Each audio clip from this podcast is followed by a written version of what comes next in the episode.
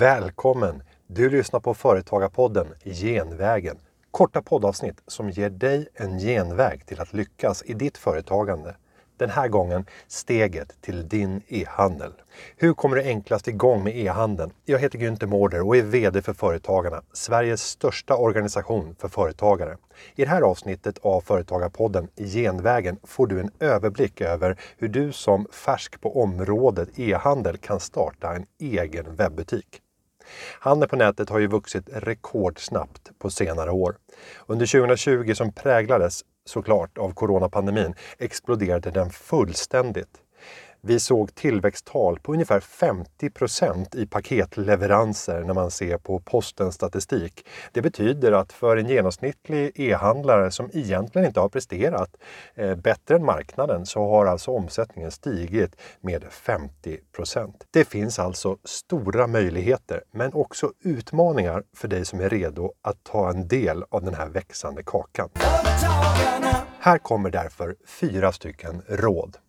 Först, Fråga dig, vad har du för mål med din butik? Att från noll starta en e-handel innebär förstås att du behöver gå igenom flera steg som är aktuella för vilket företag som helst. Från syfte till affärsplan. Fundera också speciellt på hur du ska använda din webbutik. Kommer den att bli din huvudsakliga försäljningskanal? Eller ska den bli ett komplement till försäljning i din fysiska butik? Titta också framåt. Ska den växa och hur mycket? Ska det gå internationellt? Gör det här grundarbetet noggrant. För det blir kostsamt att komma tillbaka i efterhand och ändra på redan fattade beslut som kanske har förändrat förutsättningarna för din möjlighet att kunna driva bolaget dit du vill. Nummer två. Nästa steg är att fundera över vad du ska sälja. Är din produkt verkligen optimerad för att säljas via nätet? Ofta kan det vara en bra idé att som nystartad hålla sig inom en smalare nisch. Att verkligen vara expert på en sak istället för att erbjuda lite av varje. För att få riktigt bra marginaler i din verksamhet, fundera också på hur mycket av jobbet som kunderna faktiskt kan göra åt dig istället för att du gör det åt kunden. Exempel på lyckade giftermål mellan vara och kanal är till exempel en av mina favoriter, Skyltmax i Partille, eller Signmax som de nu heter när de har gått internationellt, och Lyko i Vansbro. Skyltmax som exempel, de säljer, precis som det låter, skyltar. Där kunden själv gör jobbet, det vill säga väljer precis vad man ska köpa, designar sin egen skylt när allting är färdigt så finns i skyltomaten en framtagen slutprodukt som nu bara ska gå in i produktion. Har kunden gjort fel i sin beställning, ja då är det kunden som har gjort felet. Det är inte du som har missuppfattat vad som ska göras. På det här sättet så får de en fantastisk fördel genom att de spar mycket tid. Nummer tre. Du behöver också bygga din webbplats. Det här är viktigt för det är här själva platsen för försäljningen sker.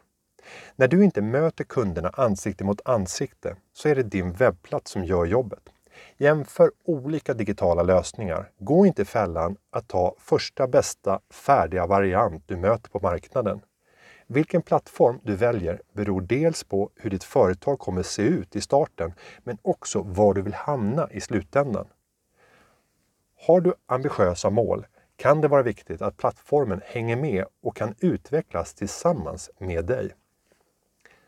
Vilken budget du har påverkar också naturligtvis hur flexibel du kan vara. Finns det utrymme för utvecklare som kan skräddarsy åt dig? Eller är det färdiga e-handelsplattformar eller plugins som Shopify eller WooCommerce som gäller? Prata direkt med andra e-handlare som har lösningar som liknar den du vill uppnå och som visat på bra resultat. Hur har de gjort och hur har det gått? Nummer 4. För att få besökare, börja med att identifiera din kund. Hur den beter sig i en köpprocess och var de här kunderna finns. Gör också en sökordsanalys. Det vill säga, ta reda på hur din sajt bäst ska svara upp till det som dina kunder kan tänkas googla efter så att eh, du kommer med i träfflistorna i sökmotorerna. Inom vissa branscher är konkurrensen stenhård. Därför kommer du troligen få kika på en rad andra sätt att nå dina kunder, där annonsering i sociala medier ofta är en viktig bit. Jag brukar rekommendera att göra ett digitalt självtest. Låtsas vara din egen kund och gör en sökning efter det som du vill att dina kunder ska köpa. Kunden kommer just söka efter det problem som du kan lösa genom din produkt eller genom din tjänst. Titta på vilka aktörerna som dyker upp. Vad är det som har fört dem till den positionen? Vad kan du lära dig av att kopiera allt det goda som de har gjort? Kom också ihåg att köpet inte är avslutat innan kunderna har varan i sin hand, är nöjda och du har fått in pengarna. Fungerande transport och frakt är en extremt viktig del. Strular den biten så kommer du ha svårt att få tillbaka kunden nästa gång. Nästa butik är ju också bara ett enda klick bort. Till sist, tro inte att en e-handel är mindre jobb än en fysisk butik. Affären är alltid öppen och den ska fungera dygnet runt. Uppdatera, utvärdera, ändra och anpassa konstant. För varje sak som du lär dig är du närmare din framgångssaga. Tack för att du lyssnade på det här avsnittet av Företagarpoddens serie Genvägen. Den här gången om e-handel. Vill du fortsätta lyssna? Sök upp Företagarpodden avsnitt 171 där vi jämför e-handel och fysisk butik.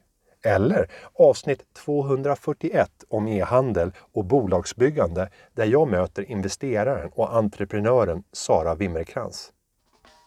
Underlaget till den här podden har förberetts av Karin Nygård och klippningen den som vanligt gjord av Petra Cho. Vi hörs igen nästa vecka. Nu kör vi!